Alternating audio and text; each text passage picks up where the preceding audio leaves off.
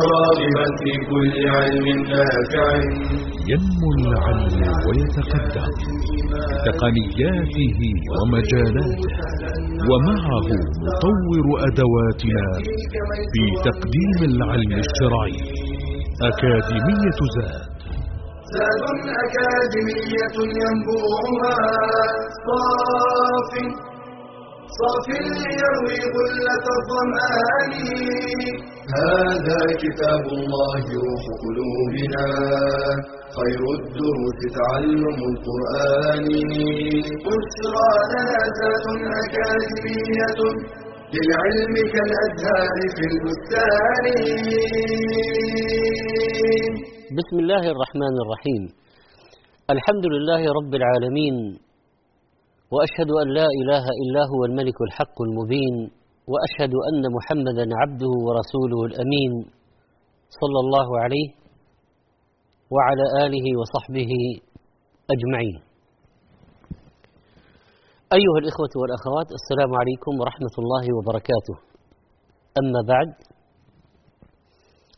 فهذا هو الدرس التاسع عشر من سلسلة محاضرات مادة التفسير في أكاديمية زاد. وقد سبق في الدرس الماضي الكلام عن تفسير خواتيم سورة البقرة وبينا عظيم فضلها وما جاء في الأحاديث في هذا الباب. وبدأنا في تفسير قول الله تعالى لله ما في السماوات وما في الأرض وإن تبدوا ما في أنفسكم أو تخفوه يحاسبكم به الله فيغفر لمن يشاء ويعذب من يشاء والله على كل شيء قدير. ثم ذكرنا بعض القواعد والضوابط في أحوال الهم بالسيئه وأحوال فعل الطاعة أو العبادة بقصد الدنيا.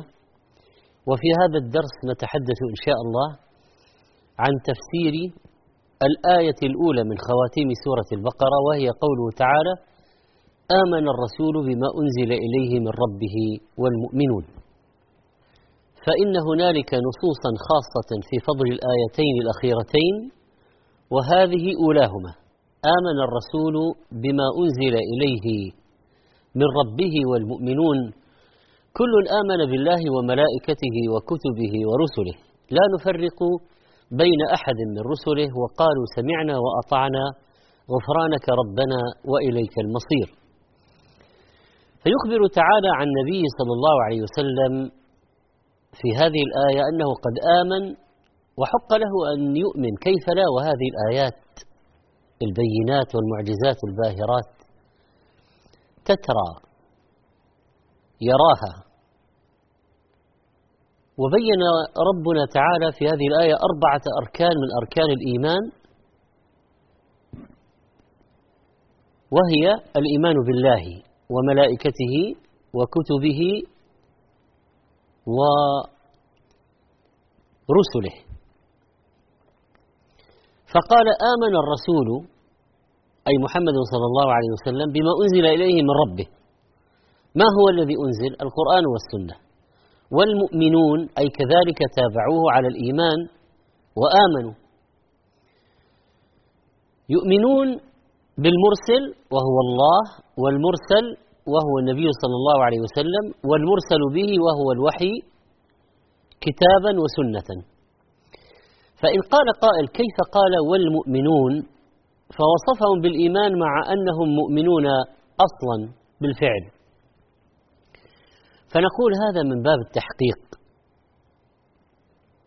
آمن المؤمنون. فالمؤمنون حققوا الإيمان وليس إيمانا ظاهرا ولا ضعيفا.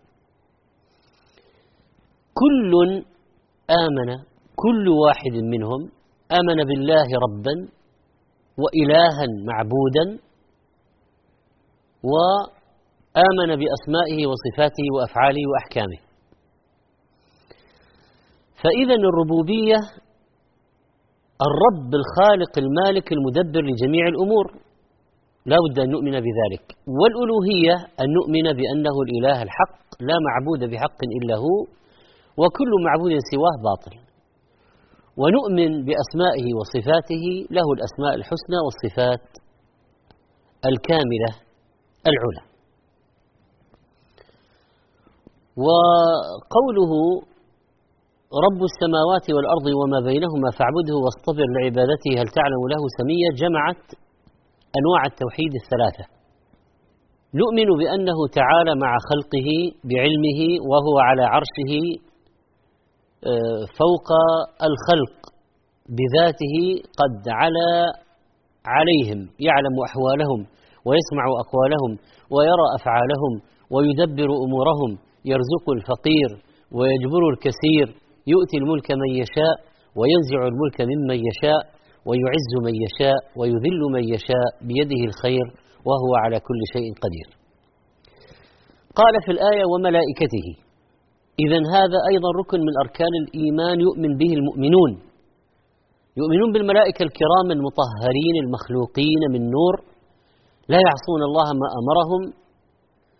منهم السفراء بينه وبين رسله عباد مكرمون لا يسبقونه بالقول وهم بأمره يعملون. ولهم وظائف عديدة. مع قيامهم بعبادة الله لا يستكبرون عن عبادته ولا يستحسرون يسبحون الليل والنهار لا يفترون. مخلوقون من نور حجبهم عنا وربما كشفهم لبعض عباده. ونؤمن بأن الملائكة لهم أعمال قد كلفوا بها. فجبريل موكل بالوحي. ينزل به من عند الله على من يشاء من الأنبياء ورسله. وميكائيل الموكل بالمطر والنبات وإسرافيل الموكل بالنفخ في الصور حين الصعق والنشور وملك الموت الموكل بقبض الأرواح وملك الجبال الموكل بها والملائكة الموكلون بالأجنة في الأرحام وآخرون الموكلون بحفظ بني آدم المعقبات وآخرون موكلون بكتابة الأعمال لكل شخص ملكان عن اليمين وعن الشمال قعيد ما يلفظ من قول إلا لديه رقيب عتيد وآخرون موكلون بسؤال الميت بعد الانتهاء من دفنه. المنكر والنكير وخزنة للنار. ومالك رئيسهم. وملائكة في الجنة يدخلون عليهم من كل باب بالسلام. وظائف كثيرة. نؤمن بها نؤمن بمن عرفنا من الملائكة ومن لم نعرف اسمه. وقال تعالى في الآية وكتبه أي المنزلة على الأنبياء منها التوراة والإنجيل والزبور وصحف إبراهيم وخاتمها القرآن الكريم. نؤمن بالكتاب والزبر. الزبر هذه الكتب سواء عرفنا أسماءها أو لم نعرف. عرفنا على من أنزلت أو لم نعرف. أنزل الله مع كل رسول كتابا. قال تعالى لقد أرسلنا رسولنا بالبينات وأنزلنا معه الكتاب. والميزان ليقوم الناس بالقسط. وخاتمه محمد صلى الله عليه وسلم معه أعظم الآيات هذا القرآن كلام الله هدى للناس وبينات من الهدى والفرقان مصدقا لما بين يديه من الكتاب ومهيمنا عليه. ثم قال تعالى ورسله جمع رسول وهو من أوحي إليه بشرع وأمر بتبليغه. فنؤمن أن الله تعالى بعث إلى خلقه رسلا رسلا مبشرين ومنذرين لئلا يكون للناس على الله حجة بعد الرسل وكان الله عزيزا حكيما. قال تعالى لا نفرق بين أحد من رسله يعني في الإيمان بل نؤمن بهم كلهم. ولا نكفر ببعض ونؤمن ببعض كما فعلت اليهود والنصارى. فمن كفر بنبي واحد فقد كفر بجميع الرسل ومن كفر برسالة محمد صلى الله عليه وسلم كفر بجميع الرسل. حتى لو زعم أنه مؤمن بموسى أو بعيسى. وقد قال تعالى كذبت قوم نوح المرسلين جعله مكذبين لجميع الرسل مع أنه لم يسبق نوحا رسول.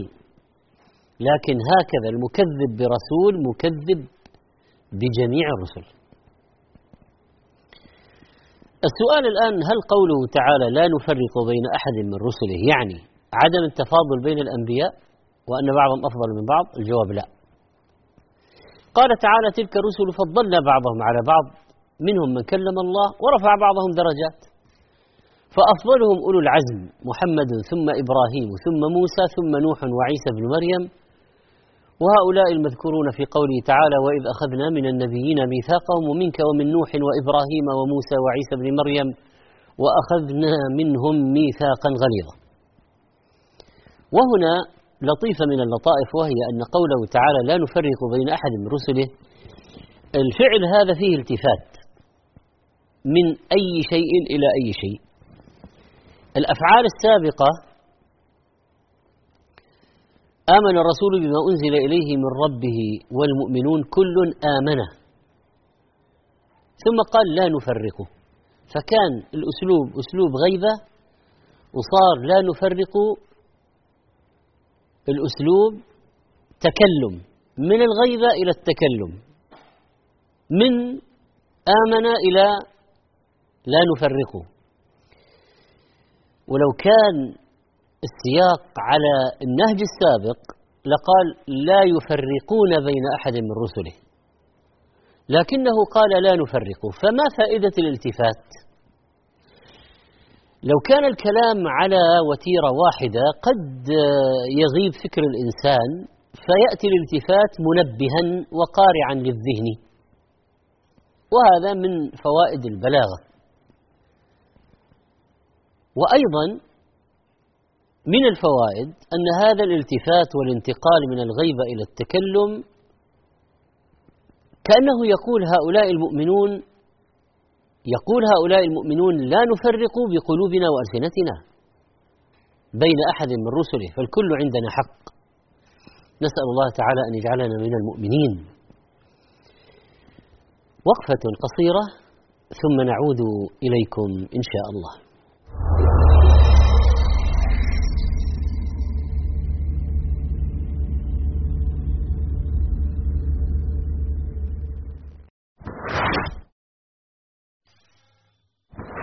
هل أنت حريص على تصحيح عباداتك؟ هل ترجو أن يتقبلها الله؟ اطلب العلم إذ لا تصح العبادة إلا به قال تعالى فاعلم أنه لا إله إلا الله واستغفر لذنبك وللمؤمنين والمؤمنات وشرط قبول طلب العلم الإخلاص فيه بألا تريد به إلا وجه الله قال تعالى قل إني أمرت أن أعبد الله مخلصا له الدين. وبالإخلاص ترزق صحة الفهم وقوة الاستنباط. قال صلى الله عليه وسلم من يرد الله به خيرا يفقهه في الدين. وبالإخلاص يذعن المتعلم للحق ويقبل النقد. قال الذهبي علامة المخلص أنه إذا عوتب لا يبرئ نفسه بل يعترف ويقول رحم الله من أهدى إلي عيوبي. ويجب أن يتوفر الإخلاص في التعلم والتعليم والتأليف. قال أبو داود الطيالسي ينبغي للعالم إذا حرر كتابه أن يكون قصده بذلك. نصرة الدين لا مدحه بين الأقران لحسن التأليف. فأخلص النية وأحذر من فسادها. كطلب العلم لأجل المال والثروة أو الجاه والشهرة أو المراء والجدل فإن ذلك يفسد العمل. قال تعالى وقدمنا إلى ما عملوا من عمل فجعلناه هباء منثورا.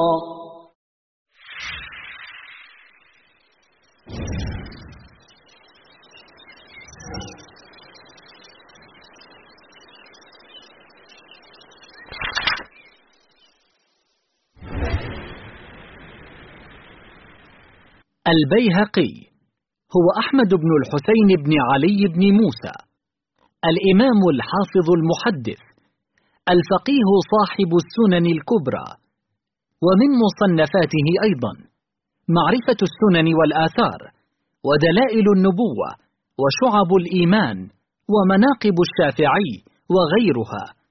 قيل في حقه ما من فقيه شافعي إلا وللشافعي عليه منة إلا أبا بكر البيهقي فإن المنة له على الشافعي لتصانيفه في نصرة مذهبه. توفي رحمه الله سنة ثمان وخمسين وأربعمائة من الهجرة.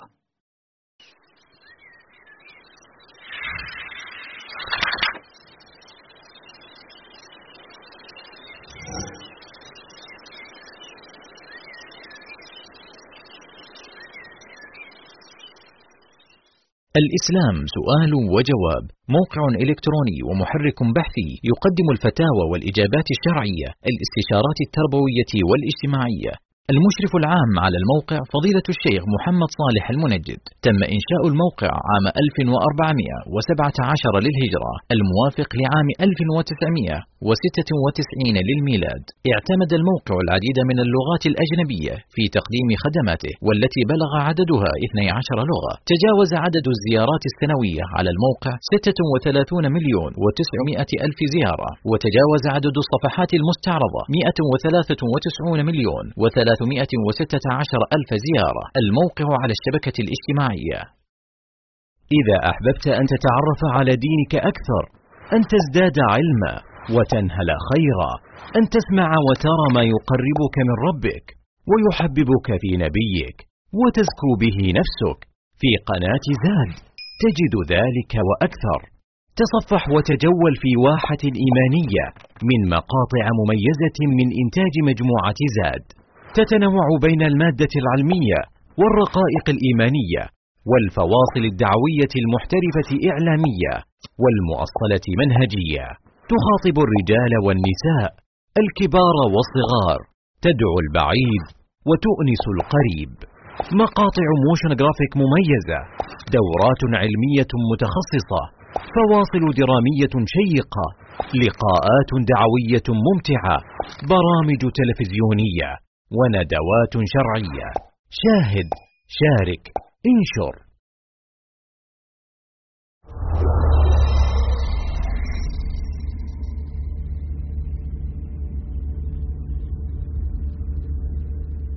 الحمد لله مرحبا بكم مرة أخرى أيها الإخوة والأخوات. نعود إلى درسنا. تفسير قول الله تعالى وقالوا سمعنا وأطعنا غفرانك ربنا وإليك المصير وقالوا أي الصحابة والمؤمنون سمعنا أي ما أمرتنا به ونهيتنا عنه وأطعنا أي امتثلنا بفعل المأمور وترك المحظور. ومن صفات المؤمنين السمع والطاعة. وهذا كقوله تعالى إنما كان قول المؤمنين إذا دعوا إلى الله ورسوله ليحكم بينهم أن يقولوا سمعنا وأطعنا وأولئك هم المفلحون ومن يطع الله ورسوله ويخشى الله ويتقه فأولئك هم الفائزون. وكقوله تعالى وما كان لمؤمن ولا مؤمنة إذا قضى الله ورسوله أمرا أن يكون لهم خيرة من أمرهم. الناس في باب السمع والطاعة على ثلاثة أقسام. الأول من لا يسمع ولا يطيع بل هو معرض. لا يرفع لأمر الله ورسوله رأسا. الثاني من يسمع ولا يطيع بل هو مستكبر. اتخذ آيات الله هزوا كما قال تعالى وإذا تتلى عليه آياتنا ولى مستكبرا كأن لم يسمعها كأن في أذنيه وقرا فبشروا بعذاب أليم مع أنه سمع. وكقوله تعالى وقالوا سمعنا وعصينا. طبعا هذا أعظم جرما من الأول. القسم الثالث من يسمع ويطيع وهؤلاء هم المؤمنون الذين قالوا سمعنا وأطعنا. قال الله تعالى فيهم ومن يطع الله ورسوله فقد فاز فوزا عظيما. اذا من الناس من يسمع ولا يطيع فهو معرض منهم من لا يسمع ولا يطيع فهو مستكبر منهم من يسمع ويطيع وهم المؤمنون حقا. قال تعالى غفرانك ربنا أي نسألك مغفرة الذنوب وإليك المصير أي المرجع والمآب يوم يقوم الحساب. ثبت في الحديث عن أبي هريرة رضي الله عنه قال لما نزلت على رسول الله صلى الله عليه وسلم لله ما في السماوات وما في الأرض وإن تبدوا ما في أنفسكم أو تخفوه الآية. اشتد ذلك على أصحاب رسول الله صلى الله عليه وسلم. فأتوا رسول الله صلى الله عليه وسلم ثم بركوا على الركب. الحديث وقد سبقه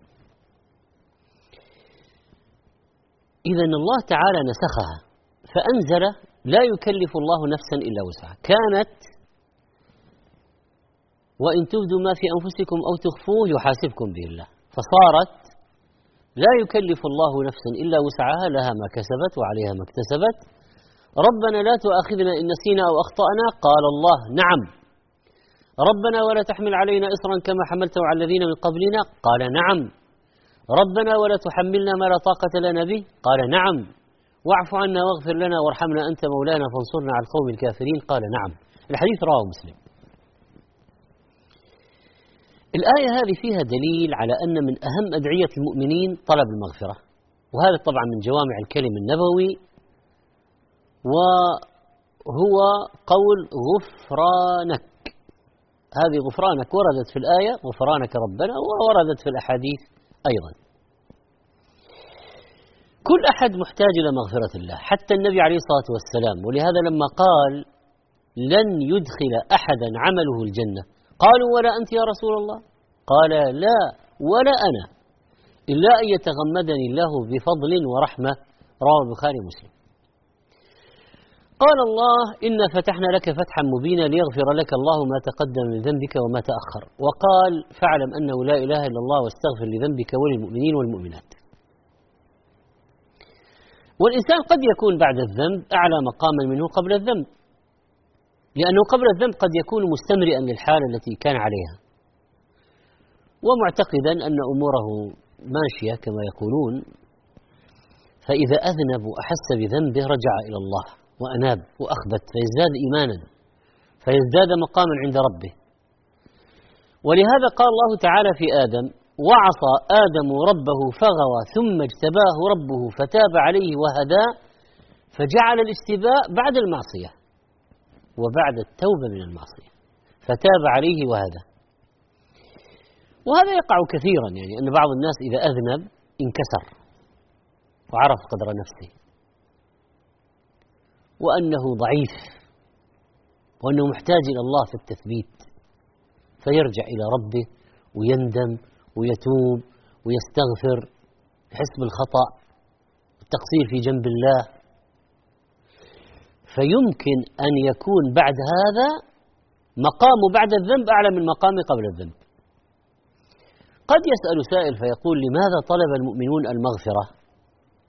وقدموا بين يديها السمع والطاعة. سمعنا وأطعنا غفرانك. الجواب لما علموا أنهم لا يخلون من تقصير وأن الرب يغفر لمن يشاء قالوا غفرانك أي اغفر لنا غفرانك أو نسألك غفرانك. وأيضا طلب الغفران إنما يجيء بعد تقديم الاستسلام وإعلان السمع والطاعة ابتداء بلا عناد بلا بلا أي عناد أو نكران هذا أبلغ. وأيضا آه، تقديم السمع والطاعة على طلب المغفرة من باب تقديم التوسل بالأعمال الصالحة قبل ذكر المطلوب. وأيضا تقديم ذكر السمع والطاعة على طلب الغفران من باب تقديم الوسيلة على المسؤول فهذا أدعى في الإجابة والقبول. وكأن سبب يعني سبب طلب المغفرة أنهم لما علموا أنهم لم يوفوا مقام الإيمان حقه مع طاعتهم وانقيادهم وأن غلبات الطباع ودواعي النفس البشرية تؤدي للتقصير ولا يلم شعث هذا إلا مغفرة الله عز وجل. فلذلك سألوه غفرانه يعني كأن العبد يقول أن مهما عملت مهما عبدت مهما فعلت أنا مقصر. يعتبر عبادتي ما يعتبرها ملل سآمة عجب إلى آخره. وقد يدعي العبد ادعاء. يقول أنا سمع سامع مطيع وهو وهو مقصر في هذا. فيحتاج إلى طلب المغفرة. هو هو لابد أن يقول آآ آآ اللهم أنت ربي لا إله إلا أنت خلقتني وأنا عبدك وأنا على عهدك أنا على عهدك ووعدك ما استطعت. يعني هو يقول أنا على عهدك ووعدك لكن يحصل منه مخالفة أم لا؟ غاية كل مؤمن المغفرة ولذلك قالوا غفرانك ربنا واعترفوا أن مصيرهم ومردهم إلى الله ولا بد من الرجوع إليه فقالوا وإليك المصير فاعترفوا برجوعهم إلى ربهم. لاحظوا ماذا تضمنت هذه الكلمات من المعاني الجميلة. الإيمان بالله وكذلك الدخول تحت طاعته وعبوديته اعتراف المؤمنين بربوبيته وأنهم مضطرون إلى مغفرته وأنهم مقصرون في حقه وأنهم راجعون إليه. نسأل الله تعالى أن يعلمنا ما ينفعنا. وأن يردنا إليه ردا جميلا وأن يغفر لنا ذنوبنا وإسرافنا في أمرنا. وأن يغفر لنا ولوالدينا وللمؤمنين يوم يقوم الحساب. نعود إليكم بعد قليل إن شاء الله.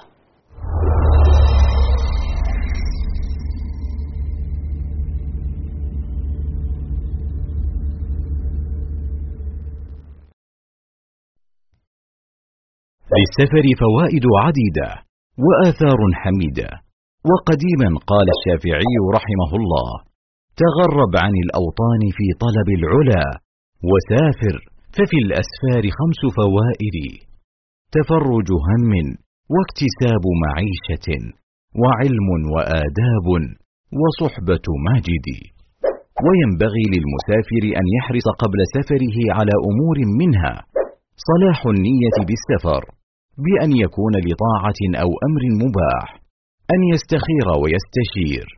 التوبة وقضاء الدين والتحلل ممن أساء إليهم.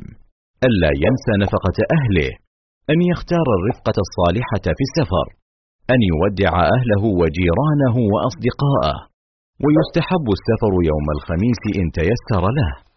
وأن يبكر في الخروج لأنه صلى الله عليه وسلم كان يحب أن يخرج يوم الخميس وقد دعا لأمته بالبركة في بكورها ويبتدئ بدعاء السفر عند ركوبه وسيلة سفره من سيارة وطائرة وغيرها. فعن ابن عمر رضي الله عنهما أن رسول الله صلى الله عليه وسلم كان إذا استوى على بعيره خارجا إلى سفر كبر ثلاثة ثم قال سبحان الذي سخر لنا هذا وما كنا له مقرنين وإنا إلى ربنا لمنقلبون. اللهم إنا نسألك في سفرنا هذا البر والتقوى ومن العمل ما ترضى. اللهم هون علينا سفرنا هذا واطوي عنا بعده. اللهم أنت الصاحب في السفر والخليفة في الأهل. اللهم إني أعوذ بك من وعثاء السفر. وكآبة المنظر وسوء المنقلب في المار والأهل كما يستحب له السرى وهو سير المسافر آخر الليل لقوله عليه الصلاة والسلام عليكم بالدلجة فإن الأرض تطوى بالليل. وينبغي أن يكون الذكر صاحبا له وانيسا والدعاء قرينا له وسميرا فهو مظنة الإجابة. وإذا أشرف على قرية أو بلدة دعا قائلا اللهم إني أسألك خيرها وخير أهلها وخير ما فيها وأعوذ بك من شرها وشر أهلها وشر ما فيها وإن نزل منزلا دعا وقال أعوذ بكلمات الله التامات من شر ما خلق فإنه لا يضره شيء حتى يرتحل من منزله ذلك وينبغي للمسافر أن يحرص على الأذان والإقامة والإتيان برخص السفر كقصر الصلاة الرباعية ركعتين وكذا الجمع إذا كان سائرا. فإن كان نازلا في مكان فالأفضل الصلاة على وقتها قصرا ويجوز له الجمع ويستحب له ألا يطيل في السفر وأن يعجل إلى أهله إذا قضى حاجته. فإن عاد من سفره ودنا من بلدته قال آيبون تائبون عابدون لربنا حامدون.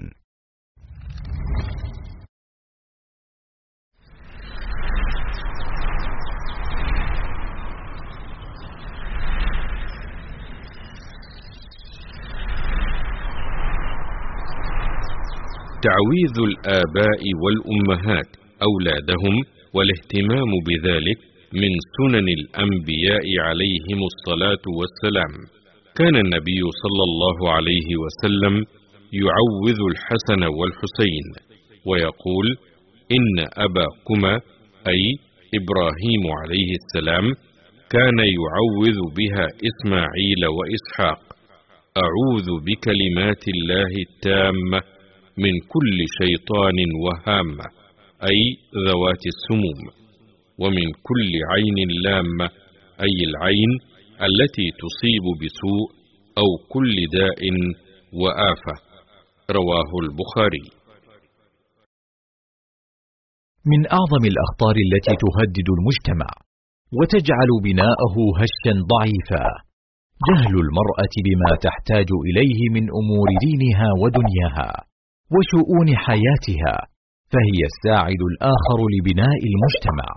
فالمرأة الجاهلة لا يمكنها القيام بتربية صحيحة أو إعانة لأبنائها على التعلم والرقي بل ربما أنشأتهم على أفكار خاطئة أو معتقدات فاسدة فبالجهل تتبرج المرأة فتفتن نفسها وغيرها وبالجهل تضيع المرأة حق زوجها وتنفره من البيت فيتفرق شمل الأسرة. وبالجهل وقعت كثير من النساء في الخرافات والسحر والشعوذة. فالواجب على المرأة أن تحرص على طلب العلم وألا يمنعها الحياء من ذلك فإنه لا حياء في طلب العلم. كما قالت أم المؤمنين عائشة رضي الله عنها نعم النساء نساء الأنصار لم يكن يمنعهن الحياء أن يتفقهن في الدين. رياض الأصالة زاد المنى تضيء الليالي وتمحو الدجى تفوح بطيب الكتاب المبين على نسمات الهدى والصفاء. على نسمات الهدى والصفاء. سبيل الرشاد بشير العباد رحيق الشهاد وقطر الندى. ليزداد زاد العلا والدنا لزاد الحياة وزاد التقى. لزاد الحياة وزاد التقى. مشاعل خير تنير البلاد مناهل تروي أنين الجوى. إذا هزني الشوق نحو السنا قناتي يزاد رفيق السرى. قناتي يزاد رفيق السرى.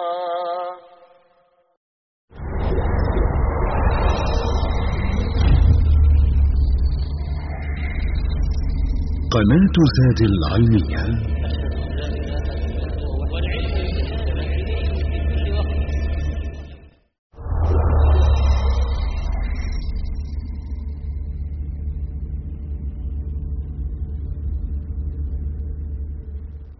الحمد لله حياكم الله مرة أخرى. أيها الإخوة والأخوات نتابع درسنا ونأخذ الآن الفوائد من الآية. آمن الرسول بما أنزل إليه من ربه والمؤمنون. كل آمن بالله وملائكته وكتبه ورسله. لا نفرق بين أحد من رسله. وقالوا سمعنا وأطعنا. غفرانك ربنا وإليك المصير. أولا أن النبي صلى الله عليه وسلم مكلف بالإيمان بما أنزل إليه. وهذا يقتضي تحمله أعباء الرسالة وقيامه بالتبليغ والعمل. ثانيا أن القرآن كلام الله لقوله تعالى بما أنزل إليه من ربه والمنزل هو الوحي والكلام لا يقوم بنفسه لا بد من متكلم. وعلى هذا ففي الآية دليل على أن القرآن كلام الله وهو الوحي المنزل على رسول الله صلى الله عليه وسلم. ثالثا إثبات علو الله على خلقه لأن النزول لابد أن يكون من أعلى. بما أنزل إليه من فوق. وهذا يدل على أن الله عز وجل فوق مخلوقاته على على عرشه. وفيها إثبات رسالة النبي صلى الله عليه وسلم لقوله تعالى الرسول. وقول بما أنزل إليه من ربه. ما ليس آراء بشرية. بعضهم يقول يحاول أن يقول أن هذه الأحاديث آراء شخصية للنبي صلى الله عليه وسلم. سبحان الله فرية عظيمة. عظيمة. يريدون إسقاط حجية ودلالة وإلزام الوحي هذا. يقولون آراء شخصية. آه، من فوائد الآية عظم ربوبية الله و آه، أخصيتها بالنسبة للنبي صلى الله عليه وسلم حيث قال قال ربنا عن بما أنزل إليه من ربه. ويتفرع على ذلك أن الله تعالى سينصره لأن الربوبية الخاصة تقتضي ذلك. الله رب الجميع.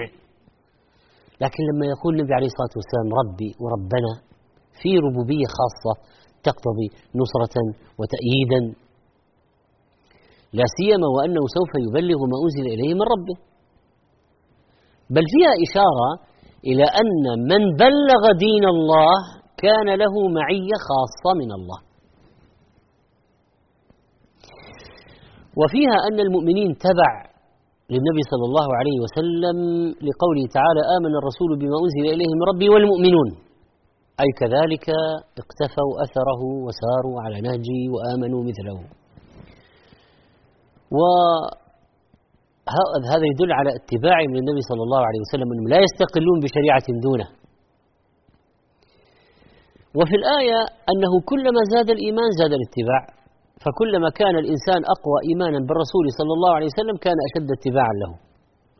لأن الله قال بما أنزل إليه من ربه والمؤمنون أي آمنوا أيضا بما أنزل على محمد صلى الله عليه وسلم من ربه.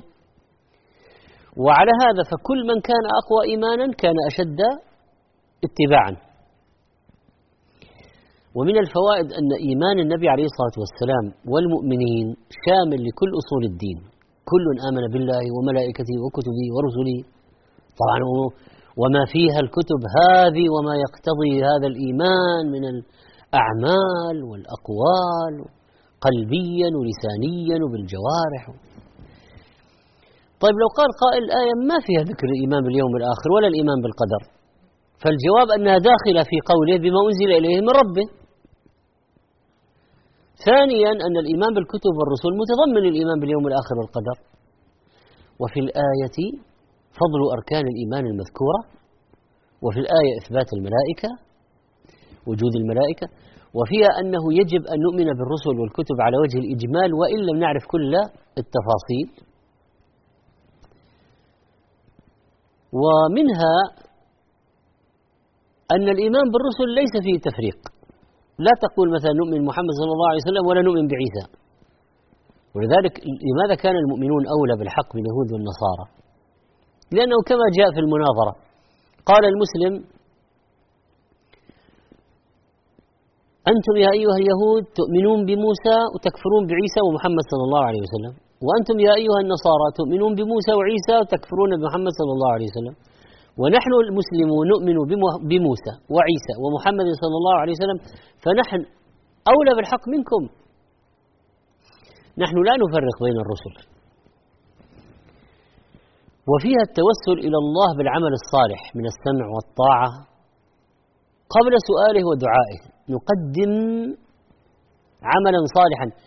سواء كان قلبيا أو بالجوارح آه، فإن التوسل مثلا بالإيمان آمنا بما أنزلت واتبعنا الرسول فاكتبنا مع الشاهدين. آه، توسل عظيم. والتوسل بعمل صالح قبل الطلب في الدعاء أدعى لقبول الدعاء والإجابته ولاحظوا ماذا كان قبل غفرانك؟ سمعنا وأطعنا. وفي الآية تواضع الصحابة رضي الله عنهم لله لأنه لما ذلت ألسنتهم بقولهم سمعنا وأطعنا وسألوا المغفرة خشية التقصير وأجاب الله بعد ذلك نعم نعم نعم. وفيها أن استسلام العبد لله من أسباب ثناء الله عليه والتخفيف عنه. فإن الصحابة رضوان الله عليهم لما استسلموا بقولهم سمعنا وأطعنا أنزل الله التخفيف في الآية التي بعدها. وفيها الفرق العظيم بين الصحابة وبني إسرائيل بين أصحاب محمد عليه الصلاة والسلام وأصحاب موسى عليه السلام. فإن أصحاب محمد صلى الله عليه وسلم قالوا سمعنا وأطعنا واليهود قالوا سمعنا وعصينا. وفيها فضل هذه الأعمال العظيمة وهي الإيمان والذل لله. طبعا من أصحاب موسى عليه السلام أمة يهدون بالحق وبه يعدلون يعني بلا شك فيهم شهداء وعلماء وصلحاء وزهاد وعباد. لكن كثير منهم فيهم هذه المصائب العظيمة وأحبارهم من أشد الناس على أنبيائهم. إلا من رحم الله. الآية فيها فضل الأعمال العظيمة هذه الإيمان والذل لله بالسمع والطاعة والدعاء وطلب المغفرة والإقرار بالمصير إلى الله يوم القيامة. وفيها أن المرجع في الحكم في الدنيا إلى الله وحده. وفيها أن الإيمان بكل ركن من أركان الإيمان يؤدي إلى الآخر. وفيها أن العبد مهما امتثل لأمر الله فلا يخلو من تقصير ولذلك يحتاج إلى سؤال المغفرة. وفيها أنه ينبغي أن يكون المؤمنون على قلب واحد ونهج واحد. وفيها إثبات أن المصير إلى الله عز وجل في كل شيء لقوله تعالى وإليك المصير. والمراد بذلك المصير إلى الله في الآخرة. والمصير إلى الله في الدنيا. لأن الله يعني نواصينا بيده. إذا شاء أخذنا أخذنا. مصيرنا إليه في الدنيا. أمرضنا شفانا أفقرنا أغنانا أخذنا أبقانا المصير إليه. يحكم بين الناس في الدنيا والآخرة. كما قال تعالى وما اختلفت فيه من شيء فحكمه إلى الله. ولذلك أنزل شريعة نحن ملزمون بها. تمرد الكفرة والعلمانيون على ذلك وقالوا لا حكم له في الدنيا. لا في السياسة ولا في الاقتصاد ولا في الاجتماع ولا في الإعلام ولا في التعليم ولا سبحان الله. طبعا في الآخرة الفصل والحكم لله. لن تنفعكم أرحامكم ولا أولادكم يوم القيامة يفصل بينكم. وقال فالله يحكم بينكم يوم القيامة. وقال فالله يحكم بينهم يوم القيامة فيما كانوا فيه يختلفون. نسأل الله أن ينجينا يوم الدين وأن يرزقنا العفو والعافية في الدنيا والآخرة. ونسأله سبحانه أن يجعلنا من أهل القرآن. إنه رحيم رحمن. إلى درسنا القادم. نلقاكم بإذن الله. استودعكم الله. والسلام عليكم ورحمة الله وبركاته. يا راغبا في كل علم نافع متطلعا لزيادة الإيمان. وتريد سهلا النوال ميسرا يأتيك ميسورا بأي مكان. زاد زاد أكاديمية ينبوعها. صاف صاف ليروي غلة الظمآن. هذا كتاب الله روح قلوبنا. خير الدروس تعلم القرآن. بشرى لنا ذات أكاديمية للعلم كالأزهار في البستان.